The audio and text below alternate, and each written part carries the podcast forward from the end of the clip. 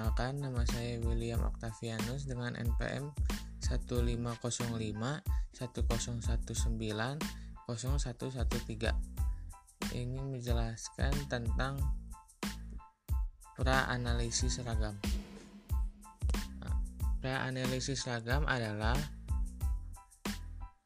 hal-hal yang belum yang dilakukan sebelum dilakukannya analisis seragam.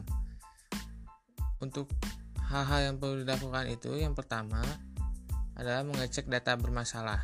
Data bermasalah merupakan semua data gugus yang tidak memenuhi asumsi bagi suatu sidik ragam yang sah, di mana data bermasalah ini dapat berupa data hilang atau atau juga data yang melanggar beberapa asumsi sidik ragam. Lalu data hilang di sini dapat berupa keterangan beberapa data yang diperoleh dan suatu penelitian hilang atau dapat pula berupa tidak dapat digunakannya sidik ragam yang baku. Beberapa penyebab umum yang membuat data hilang antara lain yaitu perlakuan yang tidak tepat, adanya kerusakan tanaman sampel atau tanaman yang sedang diuji cobakan, adanya data panenan yang hilang, atau dapat pula berupa data yang tidak dapat logis.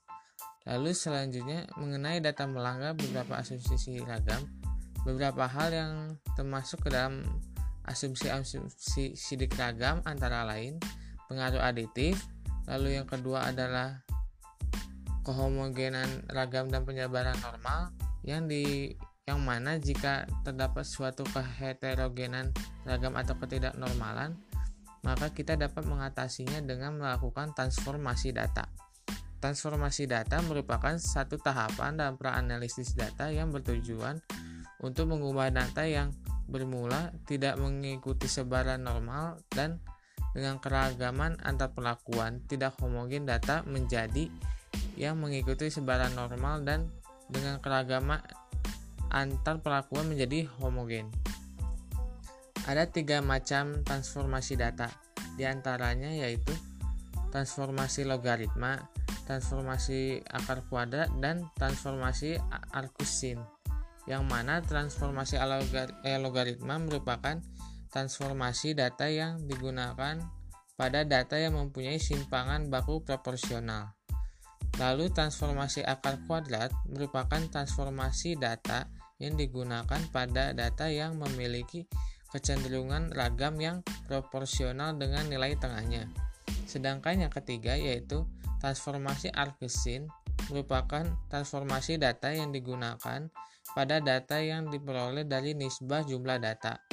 Selanjutnya yaitu uji normalitas yang mana uji normalitas merupakan suatu tahapan yang dapat digunakan untuk memanage ketika terdapat suatu data yang hilang atau tidak normal. Untuk itu, uji normalitas ini merupakan uji yang digunakan agar suatu data siap diolah dengan tepat, yang mana data yang sudah siap ini merupakan data yang telah menunjukkan sebaran atau distribusi yang normal. Untuk lalu salah satu cara yang dapat digunakan untuk menguji normalitas data adalah perangkat lunak SPSS. Yang nomor dua yaitu apakah perbedaan dari uji LSD uji 2K, uji Duncan DMRT dan uji Scott Not. Yang pertama yaitu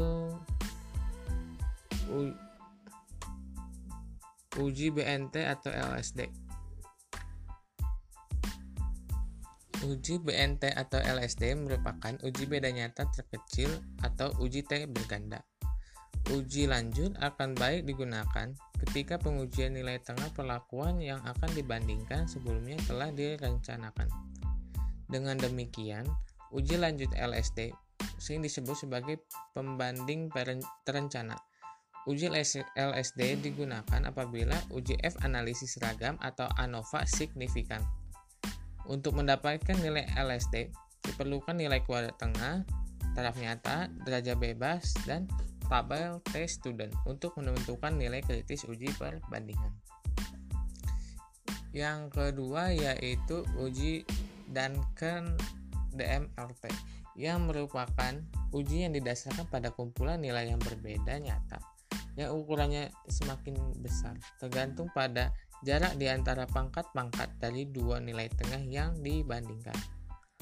Uji Duncan digunakan untuk menguji perbedaan di antara semua pasangan perlakuan yang mungkin tanpa memperhatikan jumlah perlakuan yang ada dan percobaan dari percobaan tersebut serta masih dapat mempertahankan tingkat nyata yang ditetapkan.